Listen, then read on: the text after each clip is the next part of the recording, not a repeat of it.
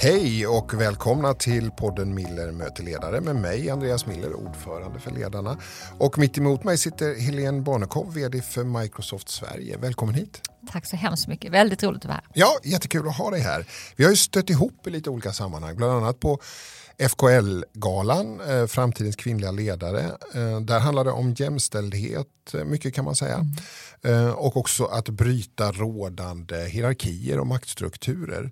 Är det där viktiga frågor för dig? Tror det är, ja, för mig är det jätteviktiga frågor och jag tror att det är väldigt viktiga frågor för både ledarskapet och för samhället faktiskt. Ja. Vi ska prata mer om det, Eh, men innan det så ska lyssnarna få veta lite mer om dig. Det låter så här. Helene Barnekow är sedan november 2018 VD för Microsoft Sverige. Hon har många års erfarenhet av ledarskap inom IT och telekom. Hon har tidigare bland annat varit VD för Telia Sverige, haft chefspositioner på Dell, Microsoft Malta och Sony Ericsson Mobile. Dessutom har hon haft flera internationella uppdrag i FN i Genève. Helene har uppmärksammats för sin passion för modernt ledarskap, mångfald och jämlikhet och är en övertygad anhängare av att en hållbar förändring kommer från ett stabilt och äkta ledarskap. Nyligen gav hon tillsammans med journalisten Nina Pettersson ut boken Restart, det värdebaserade ledarskapet i en föränderlig värld. Barndomen ägnades till stor del åt lagsporten fotboll. Helene var både spelare och ungdomsledare. Den erfarenheten har lärt henne att bygga lag i arbetslivet och präglar än idag hennes icke-hierarkiska ledarskap. Måste jag fråga, vem är din favoritspelare i det svenska damlandslaget? Oj, ja, det är ju en väldigt bra fråga. De är ju fantastiska. Jag Eh, jag brukar prata om det svenska, eh, just svenska landslaget som en, ett exempel på att man verkligen blir, det är helheten som teamet som blir det allra bästa och inte stjärnspelarna. För annars hade man inte kunnat komma så långt med ett sånt litet lag. Nej, nej. Vad spelar du själv? Jag spelar på mittfältet.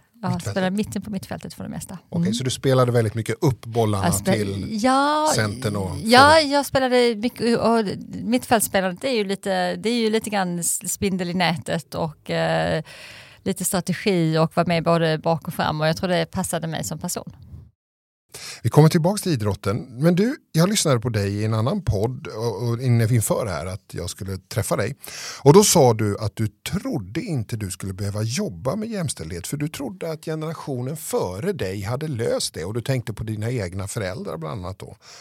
Men så var det inte. Vad, vad upptäckte du? Ja det, ja, det var verkligen, det är precis exakt så. Jag, ehm, jag tror vi växte upp och tog det för givet. Och jag tänkte så, mina föräldrar var otroligt, eh, otroligt öppna och jämställda i sitt sätt att vara.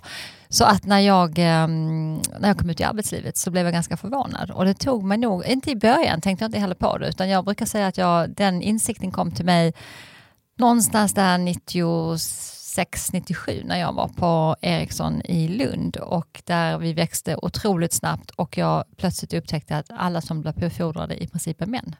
Det var, det var exakt min, min insikt att det här kan ju inte stämma. Det kan ju inte vara så att det inte finns några kvinnor att befordra, vilket det ju givetvis fanns. Vad gjorde du för analys då? Vad var det du såg? Vad var det för, vad var det för faktorer som gjorde ja, att du nej, men jag, jag tror att jag ganska snabbt, för jag hade så otroligt många bra chefer där. Jag tyckte jättemycket om folk, jag tyckte jättemycket om chefer, så det var inte så att man gick och tyckte att man hade chefer runt omkring sig som hade en, en dålig intention. Utan jag kände att det finns hur mycket bra chefer som helst. Jag gillar min egen chef, jag gillar andra chefer och alla var ju män. Eh, så att jag tror min rätt snabba tanke var att, att det beror på att man inte, man ser, man ser inte, man, man känner igen sig själv. Det man själv känner att man eh, levererar som en framgång, det känner man igen i andra män. Så man kan liksom inte riktigt se det. Och sen blev jag ju då befordrad in i en, eh, min första kanske då formella chefsroll eh, när jag var där. Och då minns jag att jag tänkte att nu får jag ju chansen att visa att det här, att det här går att göra på ett annat sätt. Jag kan, jag kan ju visa nu att det finns kompetenta kvinnor och andra nationaliteter som kan komma in i min ledningsgrupp. Och, där, och då började jag den resan som jag sen har hållit i hela tiden. Men jag kanske inte heller trodde att jag skulle fortfarande behöva jobba så mycket med den. Det tar ju tid. Mm. Men, men så är det verkligen. Ja. Du, jag, jag satt på en, på en middag här för inte så länge sedan och då pratade vi om löneskillnader mellan kvinnor och män som är chefer. Och, och ledarna har ju liksom, vi har ju tagit fram fakta på det där. Om man tar bort alla liksom, så att säga, lönedrivande faktorer som utbildning, erfarenhet och så vidare så kan man ändå konstatera att det är stora löneskillnader mellan män och kvinnor som inte går att förklara på något annat sätt än att det handlar handlar om könet. Eh, och och då, då sa jag det där och då säger den här vdn till mig att Nej, men det där, så är det inte längre, säger han. Vad, vad, säger du till dem som säger så? Ja, det är ju fantastiskt bra att ni har statistik, för det, då kan man ju säga att det verkligen är på det viset och det kan man inte debattera med. Så klart man kan debattera vissa... Den men han tyckte att nej, det där det kommer reglera sig själv? Så. Nej, det kommer inte reglera sig själv. För hade det reglerat sig själv så hade det redan hänt. Eh, jag tror verkligen att hade det här inte varit sån eh, styr, stor normfråga. Man skapar nya normer. Då hade det här hänt någon gång på 70-talet efter man hade gått igenom den här fasen som, som eh, generationen innan, innan gick igenom. Men det gjorde ju inte det, utan vi måste, vi måste medvetet ändra det. Och ett sätt är verkligen, ehm, det har vi gjort i många av mina jobb, det är ju verkligen att titt, hela tiden följa löneskillnader mellan könen som, som en. Eh, och, eh, och titta på det varje gång man gör en lönerevision och titta på det varje gång man gör en befordran och hur mycket lönerevision gör det på en befordran med en kvinna mot en man. För då sitter det en massa, vad man nu säger på engelska, unconscious biases. För det, det, jag har träffat få chefer som har medvetet velat hålla tillbaka kvinnor eller hålla tillbaka deras löner, utan det här är omedvetna Har du biases. funnit dig själv vara med i det där omedvetna? Eller har du, har du klarat av det? Så jag, tror, jag tror det faktiskt är nästan omänskligt att alltid ha hanterat sitt omedvetna. Jag tror att man ska vara medveten om att det alltid finns där. Vi, vi, vi faller ju alla någon gång i en, någon slags profilering av någon för att det är så vi hanterar mängder med information och hantera det vi lär oss. Så jag tror att det är otroligt viktigt att man, att man ser sig själv som en del av det och att man därför även om man går först och driver en fråga, att man ser till att man bygger in i det här i strukturen så att andra ser det också. Att det kommer en, en klok person sedan om det och säger, men vänta lite här nu. Nu har du precis befordrat den här unga kvinnan och du gav henne 5 000 kronor i löneökning. Förra gången så gav vi 15 000. Så det var en, en civilingenjör man. Så vi, man, behöver, man behöver bygga in det i strukturen också. För jag tror att det är omänskligt nästan att inte ha de här omedvetna mm, mm. Du, du är ju chef, får man väl ändå säga, i en förhållandevis mansdominerad, eller du har varit mycket i en mansdominerad techbransch. Så.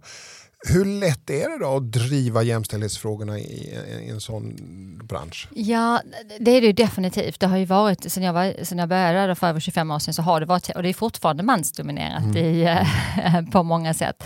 Och jag tror att, um, nu jobbar jag i ett företag där det är extre, nu som är extremt högt på agendan, men jag har också jobbat med företag där det inte var högt på agendan.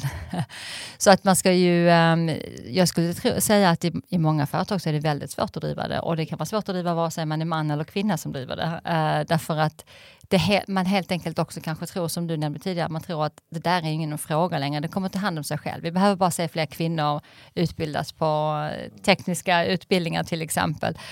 Eh, så kommer det där lösa sig själv, vilket det ju inte gör. Så att i vissa, i vissa, och jag hade faser i början i min karriär när det var jättesvårt att driva det. eh, och och att få igenom budskapet att man driver inte detta för att eh, eh, bara för att, att eh, jämlikheten är viktig, man driver också för att det är otroligt viktigt för affären, det är viktigt för hur organisationen mår, det är viktigt för gruppdynamiken, det är viktigt för hur man har ett hållbart ledarskap. Det har så många parametrar.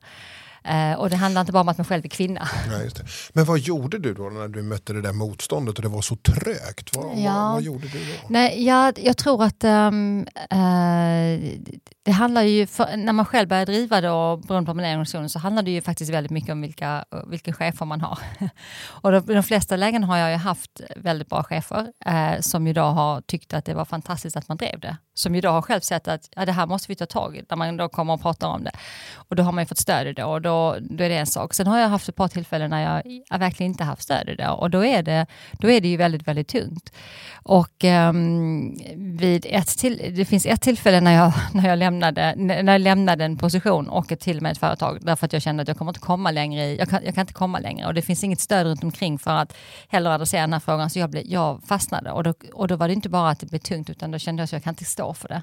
Uh, man måste kunna, eller min uppfattning är ju att man måste kunna stå för vad man gör. Mm. Så lite det du egentligen beskriver det är att närmsta chefen din närmsta chef har varit otroligt viktig för, för din, din möjlighet att driva de här frågorna. Absolut, och jag har ju alltid haft uh, manliga chefer. Så att det har ju inte återigen att man behöver hitta en kvinnlig chef, utan du behöver ha chefer som, som, som uh, kan förstå att de känner vikten av det här. Man kan konstatera att vi, vi rör oss sakta men säkert mot ett jämställt arbetsliv men vi är där inte fullt ut. Det kan vi ju se i undersökningar och så vidare. Vi har pratat om löneskillnader och sådär. Är kvotering, har det varit något alternativ eller är ett alternativ för dig? Eh, det där är ju en uh, otroligt, det är sån het, det kommer alltid vara en het fråga tror jag. Uh, och jag, och jag har sådär, ska helt ärligt säga att jag har sådana riktigt blandad känsla om det. Mm. därför att ibland så kan jag känna så här, ja men nu måste vi till med kvotera, det kan inte få lov att ta så här lång tid. Hur kan det ta så här lång tid? Eh, när jag är mm, frustrerad och har lite mörka stunder ibland. Eh, sen den, så finns en annan bit på den där jag känner att men om någon skulle misstänka att jag varit inkvoterad, hur bra förutsättningar hade jag haft för att driva alla mina förändringar som jag har kunnat driva om man hade utgått från att jag var inkvoterad? Hur, hur bra förutsättningar hade jag då fått? Eh, nu har jag känt att jag haft väldigt bra förutsättningar för man har utgått från att jag har varit kompetent att göra det jag har gjort. Och då vill man ju kanske inte känna sig um, inkvoterad. Och sen så har jag en, ett tredje perspektiv det här som jag ibland säger till unga kvinnor när vi pratar om det. Uh, men tänk hur många män som är inkvoterade. För i praktiken så är man ju, om man nu bara valt bland män så har man redan kvoterat in män. Mm. eftersom det var normen. Så alla normer, det är samma som när man, eh, när man har tur och har vår hudfärg så är vi ju inkvoterade i vissa positioner därför att man, det är det som har varit normen.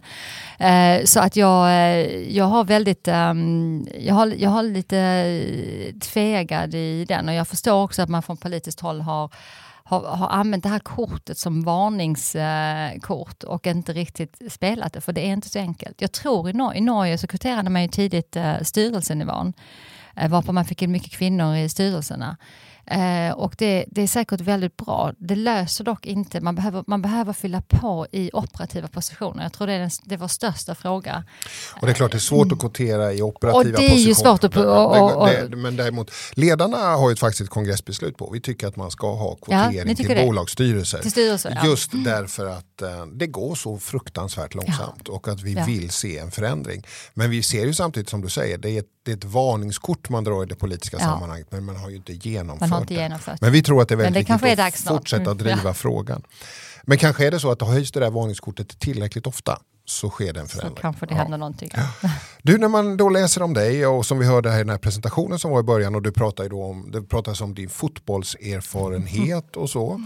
Eh, vad var det där i idrotten och de där unga åren som formade dig i ditt ledarskap skulle du säga? Ja, men jag, det formade mig jättemycket. Jag var ju en sån där otroligt aktiv person som testade alla möjliga idrotter och alla möjliga aktiviteter och så följer jag ju väldigt mycket för lagsporterna. Eh, och det kunde ju blivit något annat. Det kunde ju blivit spela tennis eller badminton eller pingis eller vad som helst. Men jag, det var liksom, det lockade mig med. Så småningom gled jag över och gjorde bara fotboll efter att ha gjort väldigt många saker. Och jag, eh, jag trivs, det är ju verkligen mitt är ju, man är ju olika som person. Jag trivs ju verkligen vara i ett lag. Jag gillar, jag gillar, jag tycker det är magi att uh, vara i ett lag. Och det, det, de här sakerna, de här aspekterna, när man tänker mm. på sin ledaruppgift och man mm. tänker på man sätter ihop lag där kanske alla är otroligt duktiga på mittfältet men man hade ingen center eller någon målvakt. Det är ju helt omöjligt. Eller om man bara tänker på de här, att någon har en dålig dag. Eh, blir det bättre för att man skriker på dem på sidlinjen? Det blir ju inte det. Det blir ju bättre för att man, laget lyfter upp en. Det finns så många paralleller i, som, som man inte ens borde tänka på i ledarskapet, som borde faktiskt vara naturliga. För det handlar ju om människor på precis samma sätt. Är det så du tänker när du är Microsofts vd nu i Sverige? När man, kom, när man sätter ihop lag? Ja. ja jag, tänker, jag tänker väldigt mycket, när jag, när jag komponerar, när jag byter, spelar man byter jobb och man sätter ihop nya grupper. Jag tänker mycket på hur eh, Uh, hur spelar laget tillsammans? En sak är att man är duktig på, uh, speciellt man sitter på seniora positioner, så behöver folk vara duktiga på att driva sina, uh, sina ansvarsområden. Men mer och mer blir ju horisontellt samarbete i vilket fall som helst. Det är ju hela förflyttningen av digitaliseringen, hur vi gör affärer och hur vi samarbetar. Och så mer och mer, hur, hur lirar det där laget tillsammans? Vilka egenskaper har man i sitt lag? Eh, och, och även som inte man själv besitter. Så att man ser till att man inte, just det här man pratat om gammalt, att man omgav sig med fler kopior av sig själv. Det, det, måste ju vara bland det sämsta man kan göra i, som ledare. Det blir väldigt trångt på mittfältet. ja, precis. ja, du, eh, vad skulle du säga, vilka tycker du om du tittar på dig själv, vilka är dina viktigaste ledaregenskaper? Ja, jag tror ju att um, uh, jag, jag tror det finns en um, en eh, kombination som jag gillar väldigt mycket, som jag tror är väldigt eh, nyttig som ledare som jag tror att jag kanske har en del av. Och det är när man kombinerar ödmjukhet och mod. Jag tror att den kombinationen är extremt eh, viktig för ledare. Och anledningen till att jag tänker på det viset är att jag tror att man behöver ganska mycket mod för att vara en bra ledare. Man behöver kunna ta obekväma diskussioner, man måste kunna fatta svåra beslut, eh, beslut som inte blir så populära. Man måste kunna göra det, för att annars blir det ingen bra ledarskap i organisationen. Och samtidigt så behöver man vara otroligt ödmjuk. För har man bara en massa mod och det handlar om dig själv, då blir det ingen bra ledarskap heller. Men om man kan kombinera det med en ödmjukhet, liksom ödmjukheten att förstå komplexitet, förstå effekt på andra med sina beslut, förstå eh, vara öppen för att få input på ett annat sätt. Om man kombinerar de två så tror jag att det är väldigt bra. Och där, där tror jag att jag som person någonstans, eh, det tror jag har varit en nyckel för mig i hur jag eh, leder. Sen så tror jag ju att en av eh, så, så blir viktiga och viktiga för ledare, det är ju faktiskt att man att man vill och tycker om att kommunicera. Att man tycker om att, att vara ute med medarbetarna, man tycker om att vara med ute med kunder, man tycker om att kommunicera, lyssna, ta in, dela sina egna tankar och vara ganska öppen på det. Jag tror att den har det är något som jag tycker om och då är det ju också alltid enklare att bli bättre på det. Och jag tror att den är en, eh, en, en sån här egenskap. Och sen den tredje skulle jag säga att, att, att ledare, att behöva göra, att man vill göra själv. Jag tror att det jag gillar att göra själv och jag tror att det är en passar i det här moderna ledarskapet. Mm. Men om vi, om vi uppehåller oss lite grann det här med ödmjukhet och modet. I ödmjukhet ligger ju också, ryms ju någon slags ord av empati. Mm. Att mm. förstå så att säga, vad, vad är det. Mm. Hur, hur har du hanterat det där? För att samtidigt då så ska du fatta svåra beslut mm. där du kan ha en ödmjukhet och en empatisk förmåga och förstå att nej, men det, här kommer, det här kommer de tycka är jättejobbigt och ja. det här kommer förändra deras liv och ja. det här kommer liksom så vidare.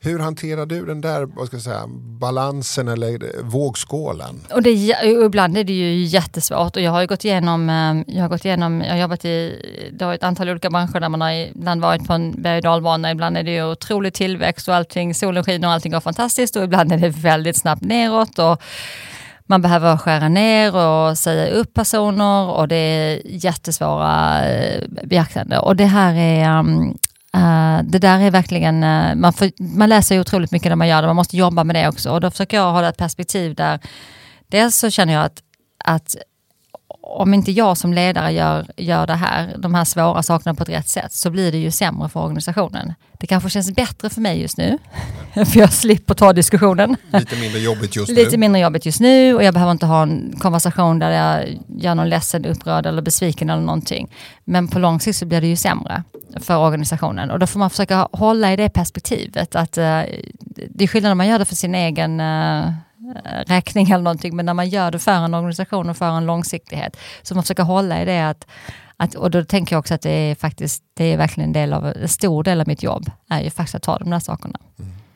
Men ligger det också i ödmjukheten också att för, förstå att jag måste förklara det här perspektivet? Ja, det gör som det du ju. nu beskriver. Ja, ja och det, det, får man, och det får man göra ibland. Och sen beror det också på vilka personligheter man jobbar med och hur seniora de är och så vidare.